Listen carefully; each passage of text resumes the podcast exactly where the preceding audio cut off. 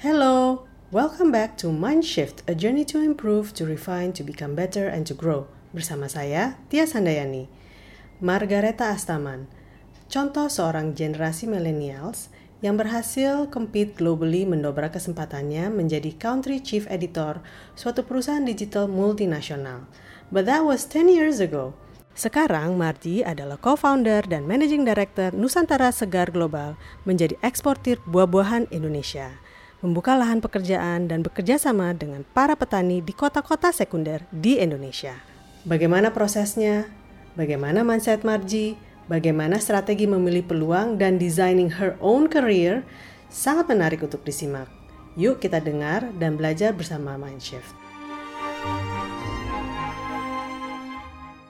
Halo Marji, apa kabar? Halo Tias, kabar baik.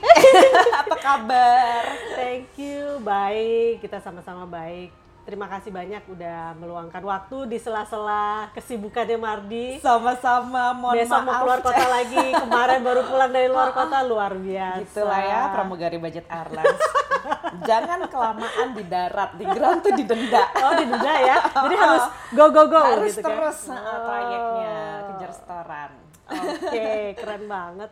Kita pengen nih berbagi pengalaman sama Marji nih, terutama Marji kan bisa dibilang tergolong generasi milenial. Hore, aku masih milenial. Yes, kita pengen tahu, kita pengen belajar banyak tentang gimana sih Marji menciptakan pekerjaan Oke. dan karya gitu ya. Pengalaman mm, Marji menciptakan kesempatan, berani menolak pada saat memang kalau misalnya emang nggak cocok ya nggak cocok aja gitu misalnya. Hmm. Kayak gimana sih sebenarnya? Tapi sebelum kita ngomongin ke arah situ, mungkin mm, banyak yang ada yang belum mengenal Margareta Astaman. Nah, kalau ngomongin Margareta Astaman tuh langsung oh bagi yang seneng nulis, seneng baca buku mungkin ada yang tahu gitu kan ya. Yuk kita eh, apa namanya eh, memperkenalkan mm, Marji itu siapa sih sebenarnya? Aku dulu kali ya. Boleh, boleh, boleh, Matias. Kalau Siapa dari aku? siapakah Marji? Aku kenal Marji dulu waktu kita sama-sama di multiply.com. Hmm, oke. Ya kan? Zaman-zaman e-commerce baru mulai banget, ya kan? Blogging. Wuh. Apa e-commerce baru mulai eh, bersama dengan Tokopedia, beli-beli, ya kan ya? benar, benar banget. Habis itu mm, multiply gak ada lagi gitu ya. Sayangnya. Sayangnya multiply gak ada lagi. Tapi Marji juga sebelumnya juga pernah menjadi eh, country editor untuk MSN Indonesia. Iya. Terus abis itu menjadi portal eksekutif untuk MSN Indonesia, baru eh, diajak eh, ke eh, multiply.com, Benar. ya kan? Multiply Indonesia Mm-mm, ya, mm-mm. AVP-nya untuk konten dan channel. Iya. And then pernah jadi Chief of Content untuk Indo Portal Nusantara. Lalu sekarang Marji membangun yang namanya Nusantara Segar Global. Jadi Managing Director di situ. Marji main buah-buahan, jadi tante buah. di jeng sini. jreng apa yang terjadi dari Apa yang digital ke dunia terjadi, buah-buahan ya gitu ya. Kenapa bisa ke situ gitu. Tapi banyak juga yang kayaknya langsung refresh memorinya Margareta Astaman. Oh, gitu.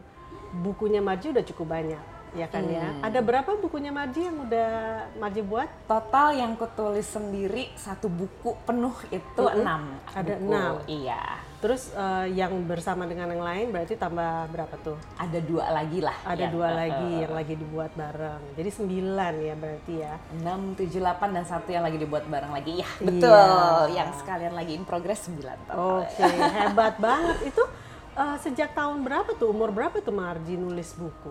Ah, kalau nulisnya sih sebenarnya dari TK juga suka nulis gitu ya Cuma cuma emang bisa nulis ya kakak? ya ini ibu Budi gitu ya bikin bikin buku-buku bergambar yang kayak gitu cuman baru dapat kesempatan dipublikasikan masuk satu uh, publications dan sebagainya itu pada tahun 2009 Eh, umur? Uh, waktu itu aku umur 22 jalan 23 Oh, 23 lah kira-kira hebat sekali. Buku pertamanya itu eh, novel apa gimana? Uh, sebenarnya awalnya semuanya dari blog. Jadi waktu zaman itu tuh lagi lucu-lucunya lah semua orang tuh suka ngeblog dan waktu itu aku kebetulan di Singapura uh, cenderung kalau teman-teman di Singapura itu lebih individualis. Jadi kita bukan yang tipe yang nongkrong bareng, ngobrol-ngobrol dan sebagainya. Karena orangnya cerewet gitu. Mau ngobrol di mana gitu kan ya gitu. Obrolin aja sendiri. Obrolin dia sendiri gitu daripada gue dikira gila gitu ngobrol sendiri gitu. Akhirnya akhirnya bikin blog. Nah, blog-blog itu ternyata kemudian dibaca oleh teman-teman dan teman-teman suka. Kemudian iya ya, aku juga merasakan hal yang sama gitu kali ya kayak gitu. Terus akhirnya ada satu penerbit yang menawarkan boleh nggak beberapa tulisan di blog ini dibukukan kayak gitu. Very Jadi yang nice. pertama banget itu justru malah kumpulan cerita dari blog Wow. gitu. When passion jadi karya. gitu ya. Tiba-tiba iya bener, ah, bener banget gitu. Jadi bisa dikatakan emang tulis menulis, ada editor- editorial itu atau journalism itu memang passionnya Marji gitu. banget, banget, Banget. fanatik pokoknya. Fanatik gitu Soal kan ya. tulis menulis. Oke, dalam hal choosing career path gitu ya, itu gimana uh, Marji kalau saya nggak salah dengar, kalau gue nggak salah dengar, Hmm. chief editor muda paling tergolong pa- paling muda kali ya pada saat zamannya ya. Iya, itu iya, iya, iya. gimana bisa menjadi uh, country editornya MSN Indonesia untuk Microsoft Indonesia? Caranya gampang. Caranya yaitu gampang. adalah mengirim lamaran.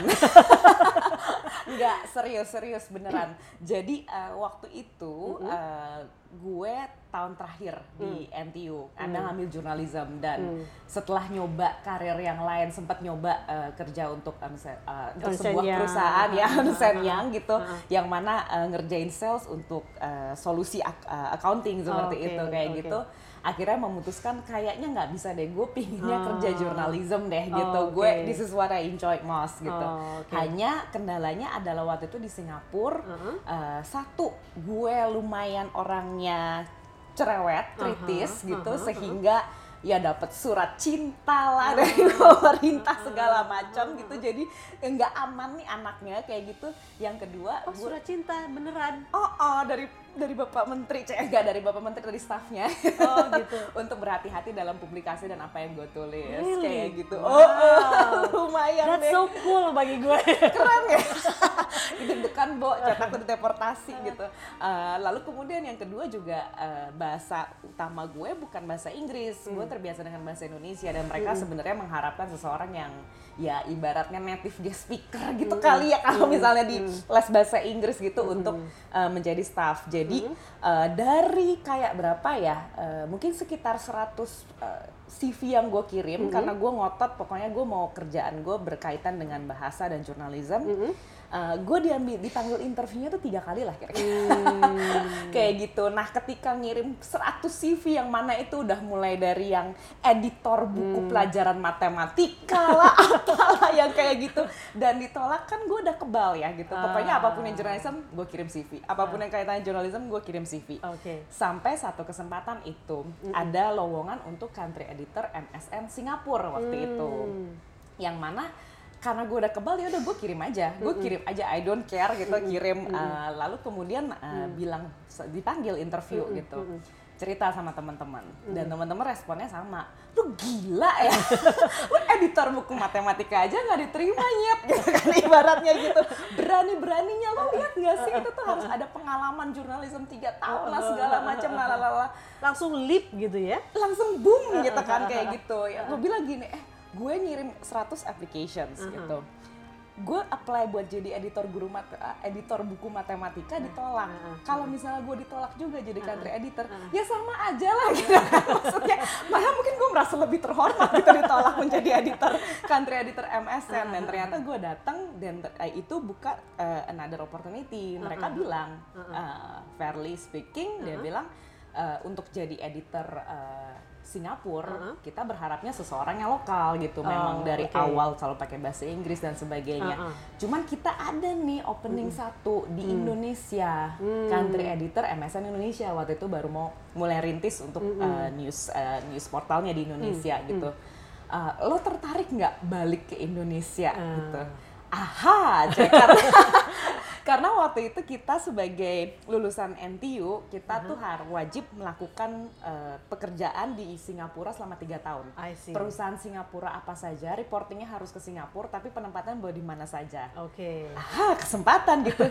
Hayu boleh. Oke, ya udah coba kita proses ke situ ya. Ah. Lalu kemudian ya udah diterima kan. Weh, gue country editor, I'm 22 gitu. Semua orang bilang gue editor cilik gitu kan ya manggil. Itu tuh si editor cilik kayak gitu.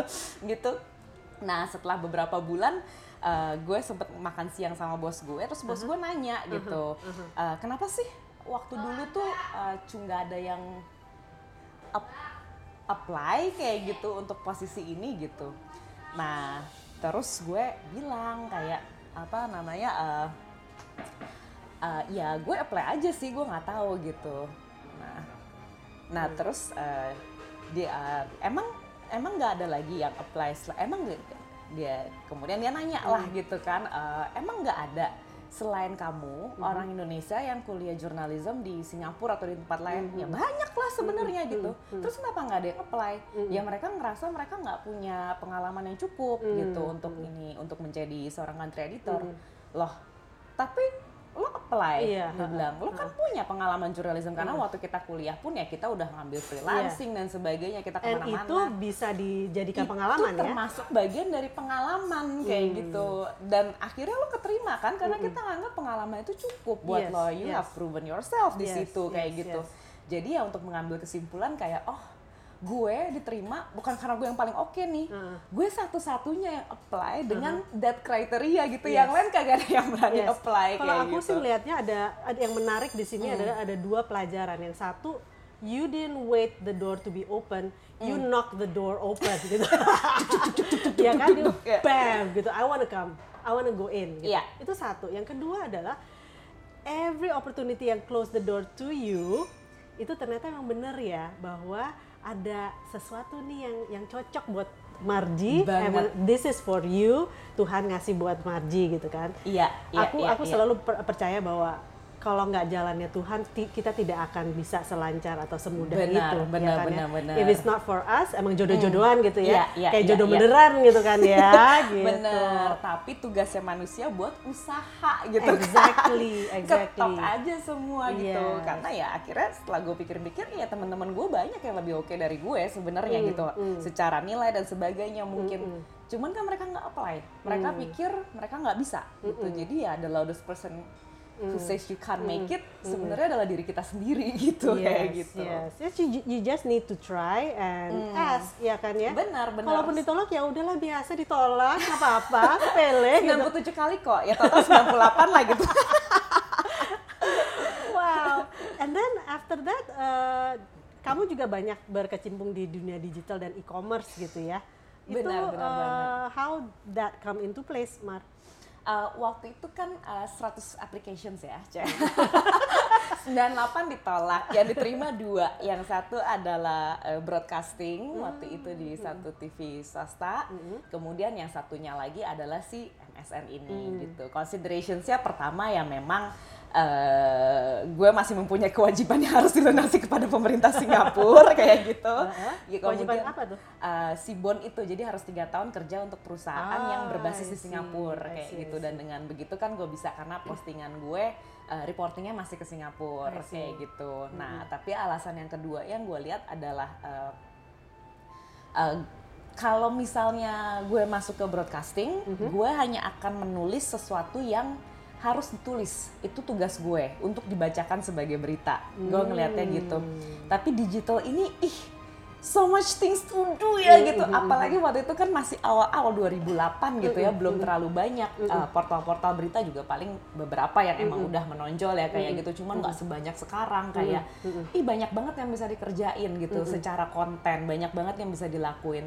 Uh, dan gue pikir kalau misalnya gue mau melihat sesuatu berkembang, menge- termasuk mengembangkan diri gue sendiri di situ, ya gue masuknya ke sini gitu kayak gitu. Dan akhirnya ya gue menolak kesempatan untuk jadi pop ngetren di depan TV, mangkal depan TV, Ah. untuk kemudian lebih masuk ke bener-bener hardcore nulis, ngedit dan sebagainya di digital, Digital. kayak gitu dan uh, so far sih selama itu pengalamannya gue enjoy banget gitu karena bener-bener uh, segala sesuatu yang biasanya gue lakukan sehari-hari Mm-mm. itu kan online ya gitu Mm-mm. chatting lah gitu Mm-mm. terus Mm-mm. uh, apa e-banking Mm-mm. email dan Mm-mm. sebagainya Mm-mm. gitu dan sekarang itu gue kerjain sendiri gitu ih bisa begini ya bisa begitu ya dan melihat konten bukan cuma sekedar satu tulisan tapi juga uh, other things activities interactions kita sama Ah. pembaca itu Ah. semua jadi masuk ke konten Oh. dan ya itu dapat kesempatan juga di saat itu bisa nulis buku yang benar-benar buku gitu sampai uh, sampai enam buku. Wow, that's so cool. Anyway, em, tentang kesempatan-kesempatan yang lainnya Hmm, gitu hmm. kan ya. Aku eh, tertarik juga mau bicarain waktu kesempatan mendapatkan Yahoo Indonesia masuk gitu kan Ya. ya. And then eh, pastinya kan kita kalau ada ada perusahaan dari luar gitu yang keren Uhu, gitu ya, gitu. inspiring, pengen menjadi bagian gitu kan ya. Eh, salah satunya Yahoo. Tapi aku ingat eh, apa ceritanya Marji itu setelah tiga bulan eh, keluar. Bener gitu banget. Kan, ya. Bahkan gak gue masukin ke CV. itu eh, what was the story behind that? Tell us, tell us. Cia. Pada akhirnya, Cia, akulah anak milenial sejati gitu. Ember, ember, gitu ya lihat aja CV gue gitu tiga tahun tuh udah maksimal banget gitu kayaknya gitu ya Em, gue ngerasa gini eh, ketika gue kerja ya pemilihan karir gue ya. Satu pilihannya juga nggak banyak banyak banget kan ya gitu.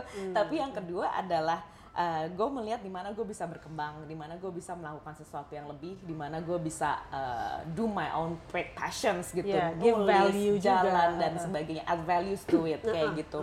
Um, ketika masuk uh, satu perusahaan gede keren uh-uh, gitu uh-uh. wuh, wuh, Uh-uh, uh-uh. gitu kan Ekspektasi kayaknya wah gue bisa ngapa-ngapain Iya. banyak banget yang gue bisa pelajari banget gitu. banget banget dan itu yang kemudian gue uh, gue ikutin kayak Uh-uh. gitu gue masuk ke situ Iya. gitu cuman yang kemudian gue temukan juga yang mungkin banyak uh, millennials like me Uh-huh. C, menemukan ketika masuk ke satu perusahaan besar adalah semuanya udah kebagi-bagi, udah ada jatahnya Ah. gitu. Porsinya kecil-kecil masing-masing Ah. dan kesempatan kita berkembang ya di dalam si satu kubikel yang kita punya itu aja ibaratnya kayak Yes. gitu gitu. Karena other things oh sorry udah ada departemen yang ngejalanin. I Mau belajar ini oh sorry tapi ini bagian lo ini. Ah. Itu bagian belajarnya si orang lain dan Ah. sebagainya sehingga akhirnya gue menemukan uh, Oke, perusahaannya jauh lebih besar ya. iya. Gue dealing dengan way larger audience Yes. waktu itu dibandingkan MSN secara ranking uh, page views-nya. Tapi di saat yang sama gue tidak merasa bisa mengembangkan diri sebanyak gue di MSN. Ah. Karena waktu itu ketika pekerjaan gue yang sebelumnya sebagai country editor, Mhm. ya gue benar-benar melihat keseluruhannya. Gue bisa I, I will predict trends untuk tiga tahun ke depan seperti apa. We are giving the chance to do A/B testing untuk semua uh, konten macam apa sih yang disukai sama pembaca kita kayak gitu. Oh kayaknya waktu zaman itu bahkan kayaknya video will be a thing deh tiga Mm-mm. tahun lagi Yes, gitu yes, yang yes. kayak gitu gitu. Yes. Ya sekarang belum karena broadbandnya dan sebagainya kecepatan Hmm. internet tapi kayak tiga tahun lagi bakal booming Boom. deh Hmm. misalnya kayak gitu dan kita bisa nyiapin ke situ gitu Hmm. ketika kita ada satu perusahaan besar uh, Pak, saya mau usul ini. Oh, mesti ke sini dulu, terus ke sini dulu, ke sini dulu, ke sini dulu ya capek deh keburu kejadian nih gitu kan keburu tutup Pak perusahaannya gitu kan maksudnya gitu sih. Ah, Dan I dan ketika ya mungkin juga part of it uh, seorang millennials ketemu dengan situasi seperti itu di mana ternyata uh, va- values yang paling kita hargai itu bukan cuman sekedar dapat gaji yang lebih besar atau misalnya dapat uh, apa ya ke- kedudukan tapi juga values yang kita hargai adalah seberapa sih gue dalam pekerjaan gue bisa uh, appreciate my values Yes. dan do what I like to do Yes. kayak gitu dan ketika Yes, yes. itu hilang uh, doesn't matter tiga bulan tiga bulan deh gitu. Yes, ya udah yes. uh, uh, dan dan itu yang gue bilang uh, dalam ada satu tulisan yang gue ceritakan gitu Mhm, uh, for once I want to be selfish gitu. Seumur hidup nih gitu mhm, masuk IPA bagus itu masa depan gitu. Iya. ye masuk IPA gitu. Orang Kuliah tua tuh ya. Ya ya misalnya ya, ya orang tua lah ya gitu. Dan dan society gitu kan Yes. maksudnya semua orang bilang gitu kayak ketika kemudian ya kuliah di Singapura terus gue balik kuliah mana NTU wah hebat dong gitu. Ambil apa jurnalisme? Hah? Gitu. Kayak ngapain? Emang ada? Ya masa kayak dokter gitu dong insinyur dokter dong. insinyur kali gitu kan. Lu mau kerja apa sih jurnalisme dan sebagainya? Ya oke ada perasaan minder dan sebagainya gitu. Dan sekarang really semua orang seorang bilang, Marji ada. Ya ada lah ya gitu ya. Oh ya juga ya gitu. Gimana ya gue? Ya makanya kan gue ngambil kerjaan sales jualan apa solusi auditing. Nah eh, ketika itu gue bilang kayak for once boleh nggak sih gue melakukan ya? Terserah deh orang mau bilang tapi kan ini perusahaannya jauh lebih besar ini kan lebih bagus dan sebagainya. I trust my gut Uh, kalau gue hanya segini aja, I will not contribute anything for the company. I will not Okay. contribute, the company will not contribute anything for my growth. Kayak Iya. gitu gitu. Betul Jadi sekali. ya, Setuju. uh, boleh nggak sih for once gue selfish, gue mau Hmm. ambil keputusan yang menyenangkan hati gue untuk pilihan karir gitu dan Hmm. that's what I did kayak gitu dan looking back nggak sih gue nggak nyesel sih Yeay. gitu hey gitu kan ya do something that I have to do ya uh, not the best for my CV gitu semua orang akan bertanya kenapa kok cuma tiga bulan? Gitu kan yang kayak gitu. Dan tentu saya gue nggak nggak bakal be dishonest kan gitu. Gue akan bilang oh dapet tawaran yang lebih menarik di sana dan dan whatever whatever. Kayak gitu tapi at the end ya kayak gitu. Oke. Apa eh, ngomong-ngomong soal si pekerjaan baru ya dari yang yang kayak misalnya MSN, you were a first timer eh, editorial gitu kan ya. Iya. Pasti pengalaman eh, atau bayangan udah ada gitu kan, tapi pengalaman tidak begitu banyak gitu kan ya.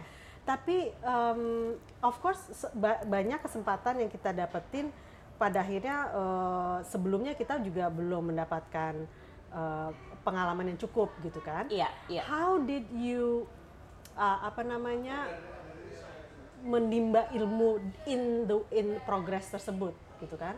Gimana caranya kamu naik kelas gitu ya istilahnya, tapi in progress gitu. Iya, iya, iya, iya, iya.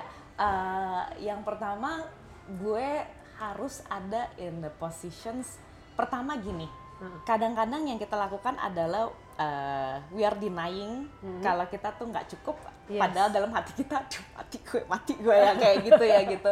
Jadi ada moments ya di mana uh, menjadi editor umur 22 tahun udah dibilang editor cilik. Itu udah di meaning gitu Iya, kan ya kayak yes, gitu. Eh ini nih yes. editornya MSN sih editor cilik Yes, gitu kan ya yes, kayak yes, gitu yes. gitu.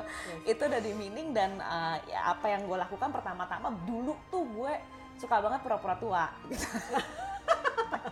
gue pakai baju blazer blazer gitu lah ya kayak gitu. Pokoknya pokoknya setante mungkin gitu kan. Terus ya rambut gue sebisa mungkin nggak nggak pernah panjang sih tuh cuman agak sedikit dipanjangkan supaya kelihatan lebih konvensional Ah, kayak gitu. aha, Uh, tapi yang gue temukan adalah dengan cara itu gue menutup kesempatan diri gue buat belajar karena orang jadi nggak ya sungkan kan nggak tahu gue umur berapa sebenarnya gue mau ya mau belajar apa enggak dan sebagainya kayak gitu. Dan di sisi lain gue juga menutup kesempatan diri kesem gue sendiri untuk keinginan gue untuk belajar karena gue berusaha untuk memasukkan ke dalam pikiran gue Ah. gue dewasa gue cukup gue enough kayak gitu jadi uh, at one point gue memutuskan nggak nggak nggak kayak gini lah gitu ya udah gue editor cilik gitu Oke. dan gue ya gue si anak kecil rambut pendek tengil dan sebagainya. I'm the millennials but guess what? Gitu kan.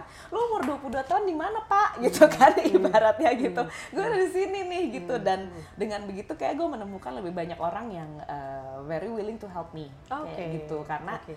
Ya this is this harmless little kiddo gitu kan ya kasihan gitu mungkin juga lebih ke arah kasihan daripada gimana yang mau share lot of their experience, lot of their expertise kayak gitu. I see. Uh, nah, gue kemudian juga terbantu dengan uh, digital itu waktu itu menurut gue adalah still growing. Hmm. Uh, belum mencapai tahap masa gitu ya. Artinya apa yang sekarang ini gede, apa yang sekarang ini kelihatannya berhasil, uh, lima tahun lagi ketika jumlah pengguna internetnya bertambah jauh lebih banyak, might not necessarily be the major views Yes. kayak gitu gitu. This is exactly or sebelum 10 tahun yang lalu ya Mar ya? Iya, Artinya bener kan? banget iya, Ya, 10 ah, tahun yang bener lalu. banget gitu. Jadi gue merasa eh, enggak nih kita belum waktunya untuk berhenti untuk bilang udahlah semua konten itu nulisnya kayak detik aja. Hmm. Enggak, karena detik sekarang pembacanya sekian pada saat itu, Iya, sekarang berapa? Kayak Iya, gitu. Dan iya. apakah majority masih eh, memilih cara menulis yang seperti itu? Misalnya Iya, seperti iya, itu. iya, atau iya. misalnya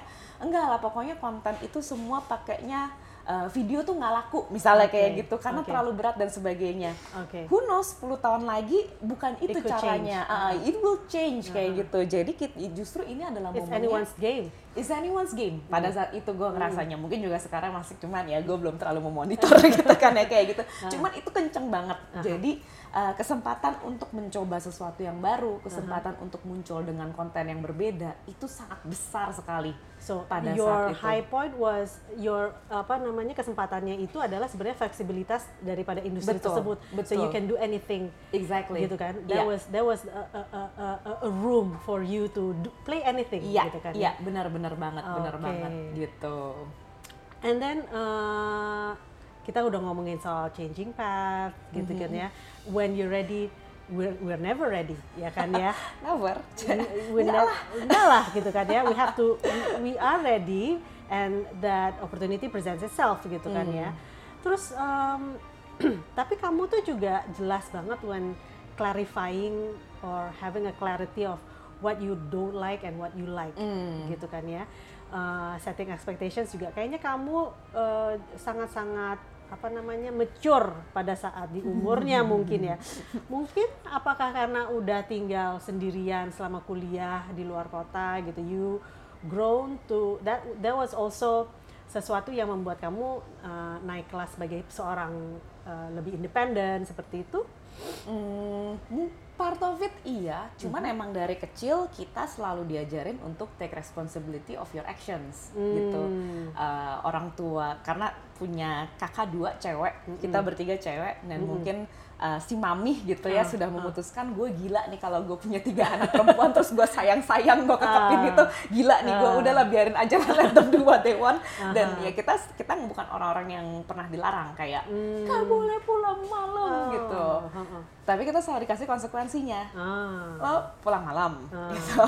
Besok pagi lu capek. Ah, sekolah nggak bisa misalnya ya kayak gitu gitu. Ah, sekolah mahal nih. Ah. pokoknya sampai kuliah aja ya gitu. Ah. pokoknya selama 12 tahun pendidikan misalnya kayak gitu.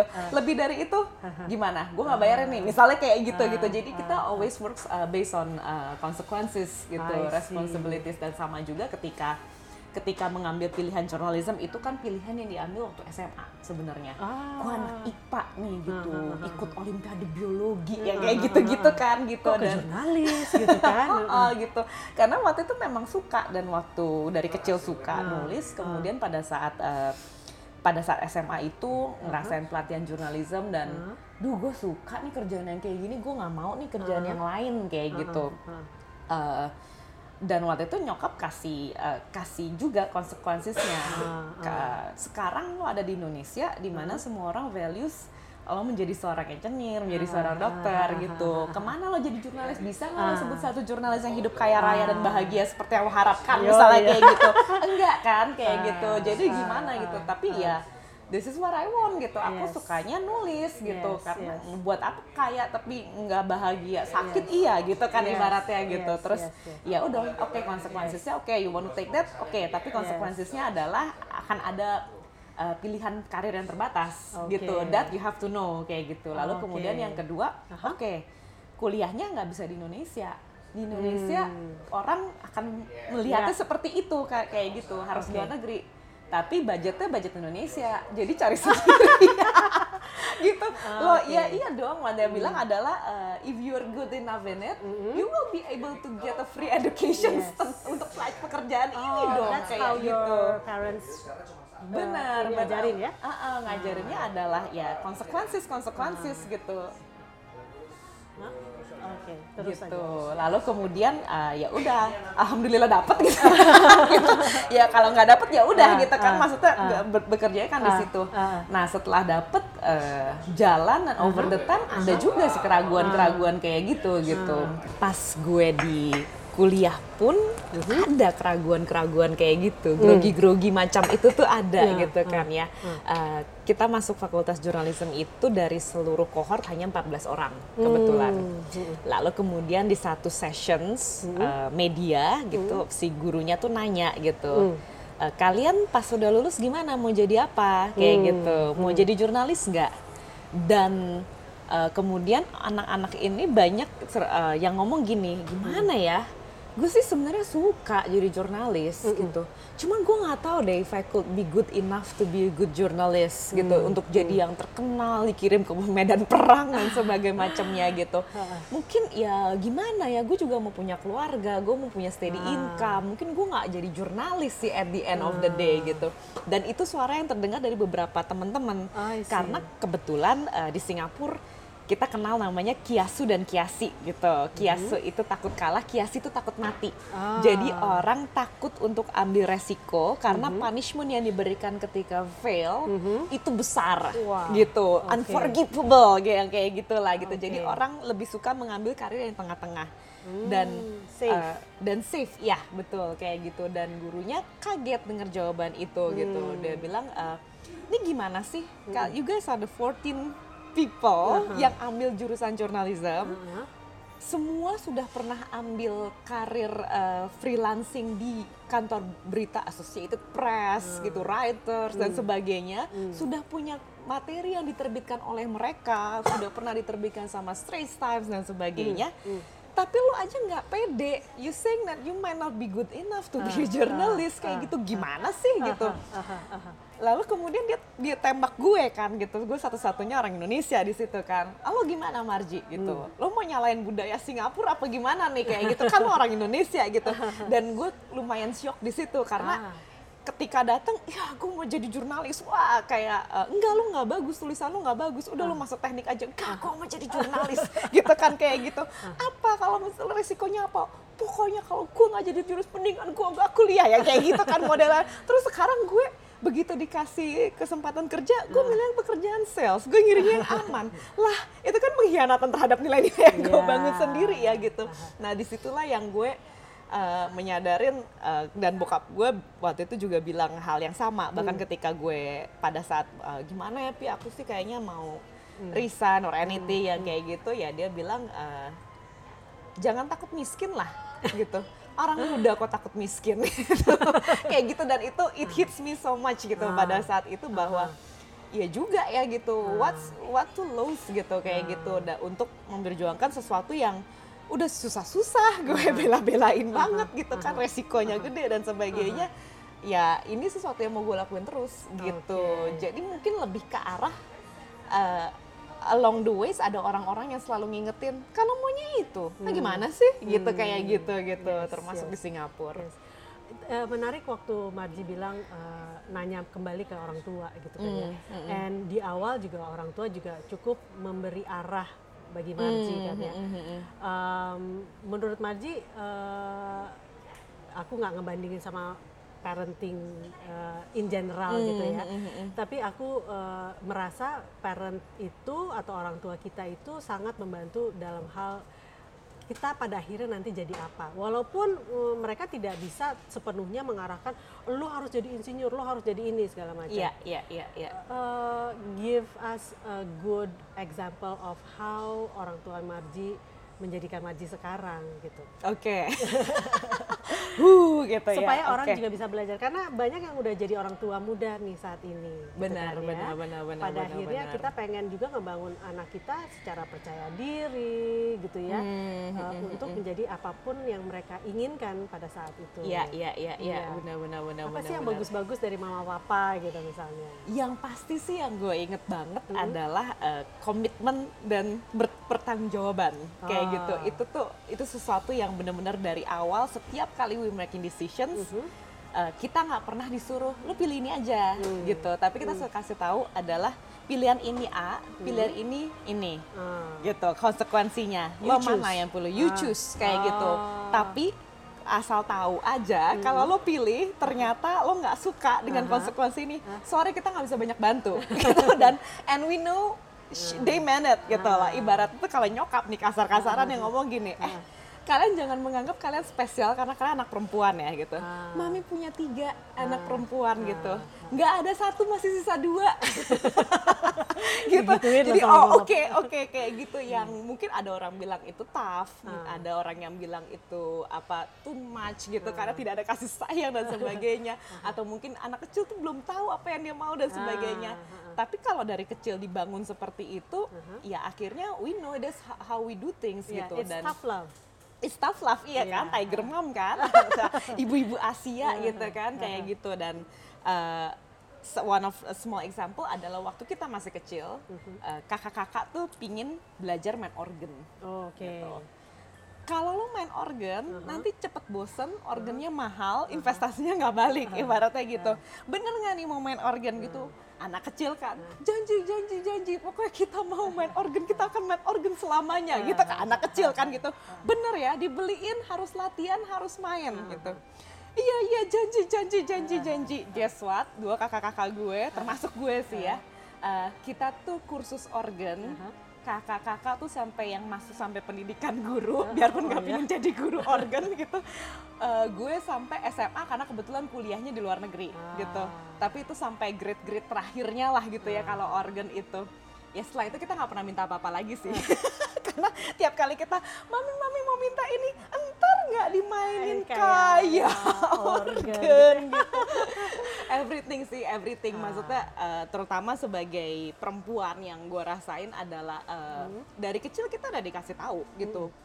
Eh, poinnya adalah eh, jangan anggap dunia itu akan menjadi lebih mudah simply because you're a girl kayak gitu. salah dunia itu akan lebih tough karena lu perempuan gitu. kalau seorang laki-laki tuh kerjanya satu kali lu harus kerja dua kali lipat untuk menyamai hasil kerja kerasnya gitu.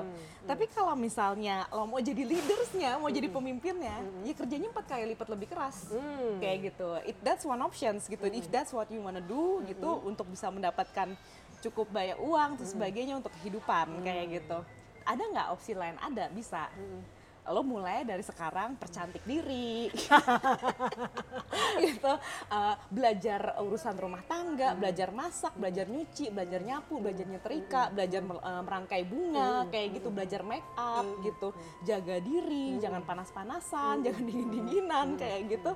Eh, menjadi perempuan yang ayu kemayu menjadi halus dan sebagainya untuk kemudian menjadi ibu rumah tangga yang baik. And that's a career tuh gitu. Nah lo pilih yang mana? Dua ini gitu. kebetulan kita semua milihnya aku mau jadi aku akan bekerja empat kali lebih keras dari aku. Gitu. Nah along the way maksudnya sampai sekarang mungkin kita ngerasa konsekuensinya sekarang. Gue tiga tiga belum kawin gitu kan ibaratnya gitu. Ta- tapi yang gue tahu adalah satu orang tua gue nggak pernah mempertanyakan itu. Mana sih nggak kawin atau gimana dan sebagainya? Karena they know that's the decisions that I made kayak gitu gitu. Memang ketika kemudian uh, gue fokus di karir dan sebagainya less time untuk untuk belajar masak less, Yes, less time yes. untuk merawat diri nggak nggak bisa make up dan sebagainya kayak gitu. That's that's the consequences dan that's the consequences I have to accept juga karena itu adalah pilihan yang gue buat Yes. dari gue kecil kayak gitu. So I think uh, in a way ketika masih sekolah gitu tough iya tapi di satu sisi gue juga seneng gitu oh nyokap gue nggak ngelarang gue pulang malam Iya, gitu iya. pacaran ya boleh-boleh aja gitu kan kayak gitu mau pergi ke mana boleh kayak gitu jauh ya kita tahu ya kita mau nggak mau jadi ngontrol diri sendiri karena who else gonna do that gitu kita Hmm. Iya. udah dikasih tahu konsekuensinya Only gitu. you yourself yang bisa menjaga diri. bener Oke. gitu Mami, mami, si mami ya si mami. Anyway, sekarang Marji itu jadi tante buah nih. jreng apalagi ini cek Marji, Marji. Kenapa bisa jualan buah gitu? Nah, bisa ceritain dong dan dan juga pengalamannya yang Marji temukan yang seru-seru mencengangkan gitu. Aduh aduh gila banget ya. Jadi jadi eh, jadi penjual buah. Kalau awal ceritanya sih sebenarnya eh, waktu itu ada satu temen gue temen deket pas kuliah juga namanya Robert gitu. Nah eh, dia lagi datang. Kebetulan dia kerja di Jerman lagi diposting ke Cina untuk bangun pabrik di Cina. Terus dia ngobrol lah kayak di kafe gini gitu kan ya ngobrol-ngobrol gitu. Terus dia uh, mengeluarkan kata-kata itu kenapa ya Ji? Orang tuh kalau ngelihat luar negeri, lihat Cina itu sebagai tempat dapetin barang. Impor bayangannya, oh barang murah, barang murah Cina bikin produk marah. Pernah kepikir nggak sih sama kita, kalau Cina bisa jual barang sebanyak itu ke Indonesia, berapa banyak uang yang mereka punya untuk belanja kayak gitu? Kenapa kita nggak kepikiran untuk kirim sesuatu ke mereka, sehingga uh, barang itu akan dibeli dengan harga yang mahal, dan juga banyak gitu. Hmm. karena orangnya banyak nih gitu. Dan kemudian dia ngambil contoh misalnya nih ceker ayam aja di supermarket Hmm. sepasang tuh lima puluh ribu rupiah gitu kan kayak gitu. Ceker nih gitu kan. Baru waktu itu uh, masih kerja di digital kan gitu. Dan sebenarnya nggak mempunyai ke- keinginan untuk ganti karir dan sebagainya. I was quite happy sebenarnya di di digital main-main dan sebagainya. Hmm, bener juga ya Bet ya. Coba deh lu balik ke sana, lu cari deh barang apa yang diperlukan sama orang Cina. Gue cari supply-nya di Indonesia. Gagah ya gitu. Ya udah dia balik ke Cina, kemudian dia uh, cari-cari dan sebagainya dia ngomong ke setiap orang oh you know Indonesia is a land of opportunity lalalala gitu. Sampai misalnya dia lagi uh, lagi ada acara kunjungan pabrik gitu kemudian ada beberapa orang mereka mau beli pendingin terus dia makan pulangnya tuh dikasih durian dessert gitu. Terus you know Indonesia is a land of opportunity lalalala gitu. Kini kayak durian ini nih hmm, nggak ada apa-apa ya dibandingin yang ada di Indonesia kayak gitu. Dan ternyata salah satu orang yang ada di grup itu adalah seorang yang punya supermarket di Shanghai. Dan diseriusin. Hmm. bener juga ya duren ya. Tapi duren nggak bisa masuk Cina langsung dari Indonesia. Tapi lo punya manggis nggak? Kalau lo punya manggis lo kirim sekarang satu kontainer 40 feet itu isinya 16 ton manggis gitu gue bayar 50% DP di depan lu nggak usah pakai sampel nggak usah pakai apa yang penting lu cepat bisa ngirim ke gue. Wow. sisanya gue lunasin pas Doyan barangnya banget nyampe. Orang Cina suka manggis. ternyata ya ternyata ya ya udah oh oh manggis gitu. Terus Robert telepon lah "Eh, Ji Cari punya manggis. nggak? Bahkan dia nanyanya punya manggis nggak? Bahkan belum cari manggis. Dan waktu itu gue jawab lagi makan siang nih lunch gitu kan. But bilang aja ada. Ntar gue cari. Lalu mulailah the whole story dan drama mencari manggis ke ke pelosok Nusantara gitu. Gue ajak lagi satu temen gue kayak gitu untuk nyari si manggis itu.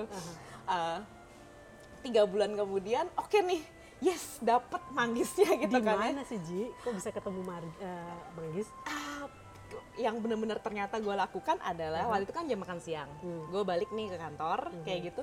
Gue google Hmm. Manggis Indonesia, sentra Manggis Indonesia, Manggis di Dasar orang bagus, konten ya, pasti kan, iya keyword kan? ya. keyword kan, keyword. Sampai gue menemukan daerah-daerah yang kelihatannya potensi untuk eh, untuk dikembangkan di daerah sebagai daerah manggis gitu. Dan kemudian kalau bisa juga ada nama petaninya. Ya udah gue datengin lah itu. Dari Sumatera Barat sampai Bali. Lo nggak kenal, lo cuma langsung ketok, halo. Assalamualaikum. gitu atau gue ke kantor kepala desanya. Gue tanya pak ini ada kesempatan manggis di, di desa ini siapa yang yang tanam manggis ya pak? Kayak gitu. Asli lo bener-bener nggak kenal nggak siapa, lo langsung datengin nggak. gitu.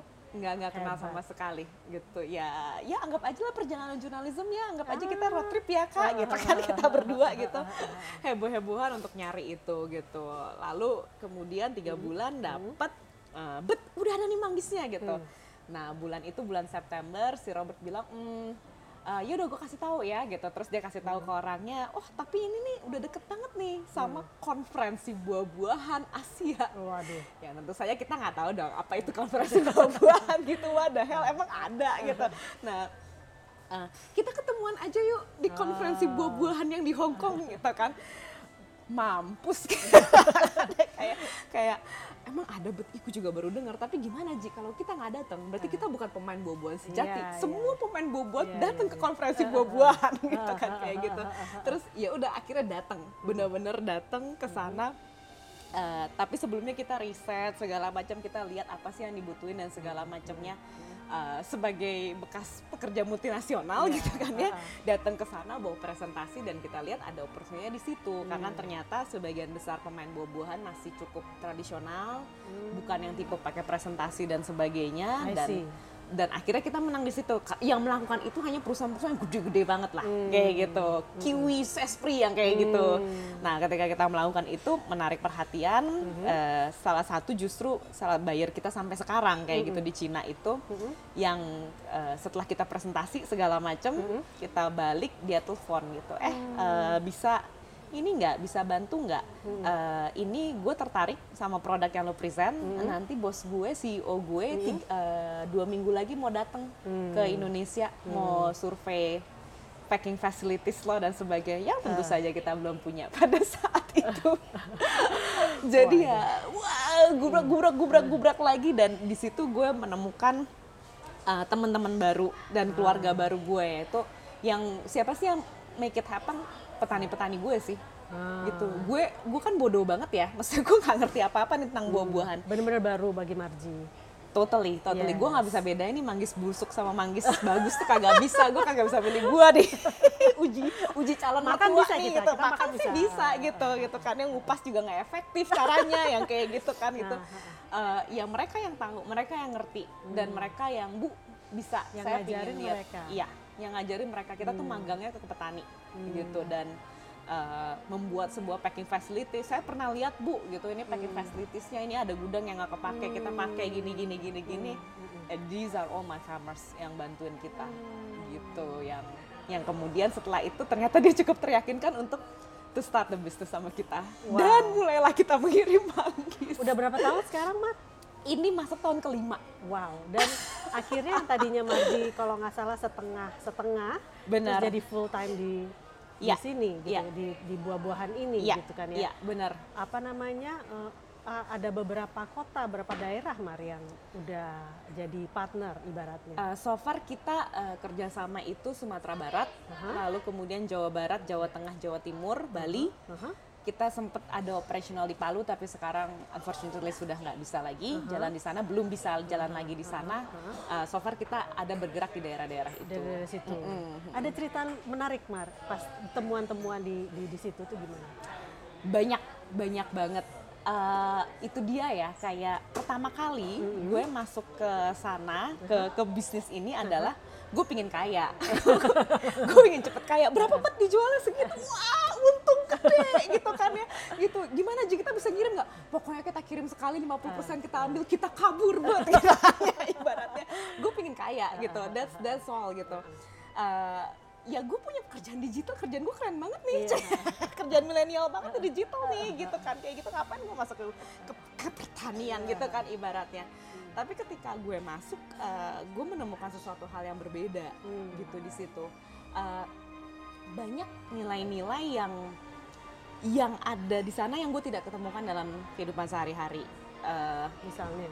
misalnya selama ini lewat kerjaan gue digital lewat tulisan gue gue selalu berusaha ya dari refleksi pengalaman gue gue pernah ngalamin kerusuhan 98 Yes, gitu. yes. terus kemudian gue pindah ke Singapura gue melihat apa sih sense-nya majority minority kayak gitu. Yes. gue di Indo dibilangnya minoritas lah apalah. Iya. di Singapura hoho gue mayoritas yang kayak Iya, gitu. uh-uh. Uh, gue selalu berusaha memperjuangkan itu lewat dunia digital lewat tulisan-tulisan gue gitu. Yes. bahwa gue seorang Cina Katolik gitu kan ya double minority kalau kata orang yang sebaiknya hati-hati kalau bicara dan sebagainya gitu.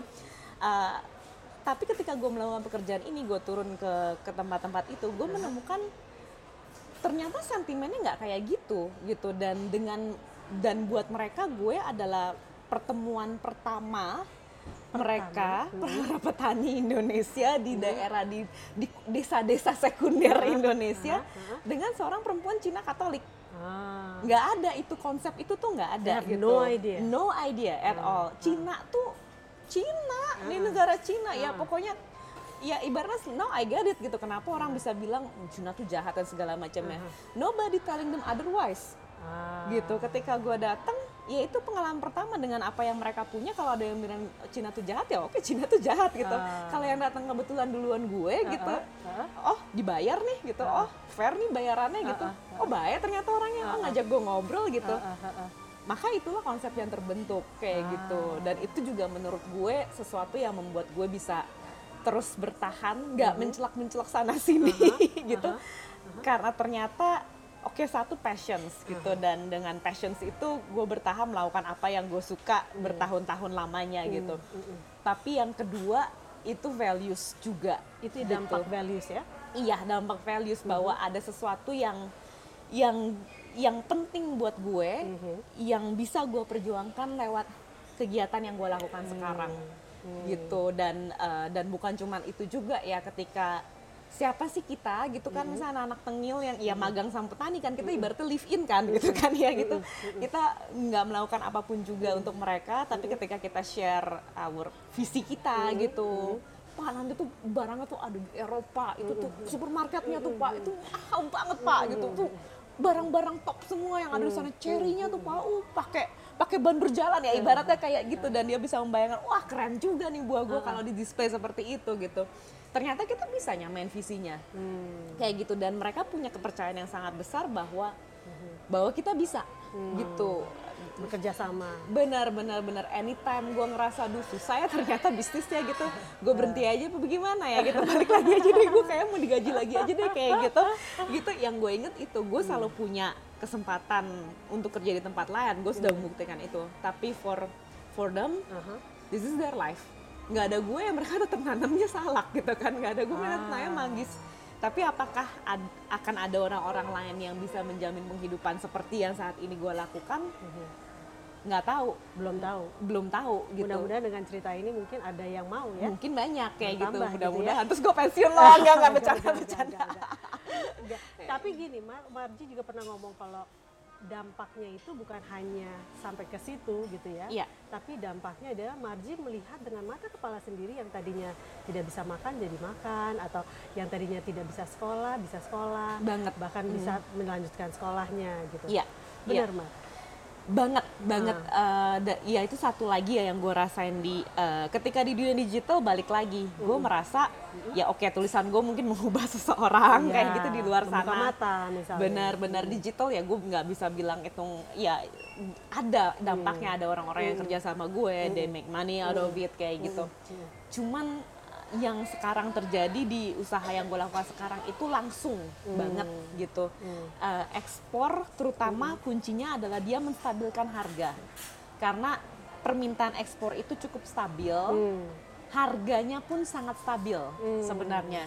Ya kalau ibaratnya kalau misalnya gue dibayar setiap hari sepuluh ribu, ngapain gue harus beli barangnya seribu? Mungkin gue bisa beli barangnya lima ribu aja gitu. Kalaupun barangnya lagi banyak dan harganya jatuh jadi seribu, ya sebenarnya gue tetap bisa beli lima ribu juga. Ibaratnya kayak gitu gitu. Uh, beda dengan pasar lokal yang uh, ketika buahnya banyak banjir pasar lokalnya nggak bisa serap sebanyak itu kayak gitu. Akhirnya harga tuh sangat fluktuatif yang kita terjadi. Lagi tinggi tinggi banget 100.000 ribu ya lagi murah murah banget. That's, that's not good kayak gitu. Tapi dengan harga yang stabil apa yang terjadi adalah bisa ada planning. Oh oke saya akan panen sekian saya jual harganya sekian gitu. Bulan depan oke dua bulan lagi sekian gitu. Oke karena bulan depan tiga bulan lagi barangnya lebih banyak harganya mungkin agak sedikit turun. Kayak gitu. Tapi dengan planning itu ada perencanaan kehidupan yang bisa berjalan kayak gitu. Dan eh, apa dan dengan begitu eh, ke- kesejahteraan jadi meningkat. Simply bukan karena penghasilan yang meningkat, tapi ada planning, ada kemampuan untuk mengalokasikan uang dan sebagainya. Iya. Dan eh, khususnya kalau buat pekerja kita, kebanyakan kita eh, mempekerjakan perempuan di eh, dan kita biasanya menaruh eh, packing house itu dekat di daerah di area produksi tujuannya ya perempuan, istri petani, janda dan sebagainya. eh, sejauh ini kan mereka kebanyakan entah bekerja di kota jadi buruh pabrik atau jadi TKW di luar negeri gitu. Itu berarti mereka harus ninggalin anak-anaknya mereka di rumah dan sebagainya. Eh, diurus sama orang lain, diurus sama neneknya dan sebagainya. Nggak ada penghasilan yang jelas. Ketika hari tua juga nggak ada penghasilan yang jelas gitu. Tapi dengan begitu mereka sekarang bisa kerja dekat dari rumahnya mereka. Makan siang mereka bisa di rumah ngurus anaknya, jemput anak sekolah, terus balik lagi. eh, dan itu jelas uh, dari dari nggak ada penghasilan ke ada penghasilan kayak gitu. Dan itu yang benar-benar gue lihat yang tadinya nggak makan jadi makan. Yes. yang tadinya nggak sekolah anaknya jadi sekolah kayak Yes. gitu. Dan itu yang terasa banget yang ya buat gue ya mungkin ya penghasilan nambah gitu ya. Tapi buat uh, buat mereka buat mereka itu adalah sebuah penghasilan yang tadinya mereka nggak punya. Yes, jadi kalau menurut aku marji itu bukan hanya memberikan kesempatan, tapi juga memberdayakan, tapi juga berusaha memperbaiki ekonomi dan sosial yang ada Iya. di beberapa daerah. Iya, Memberi iya, contoh gini loh caranya, it's just opening like knocking the door, assalamualaikum, I want to help, I want to make business gitu. Iya, iya, iya, gitu. iya. Ternyata Very ya. nice, very nice. Thank you so much Marji. Eh, kita benar-benar mendapatkan masukan dan pencerahan yang sangat bagus gitu ya. I really really wish you all the best and success. Terima kasih. Thank you so Terima much. kasih waktunya juga ngobrol-ngobrol. Mungkin kita di lain kesempatan ada lagi pembahasan-pembahasan yang mungkin kita bisa bahas Sip, bersama. pastinya. Thank you. Thank you.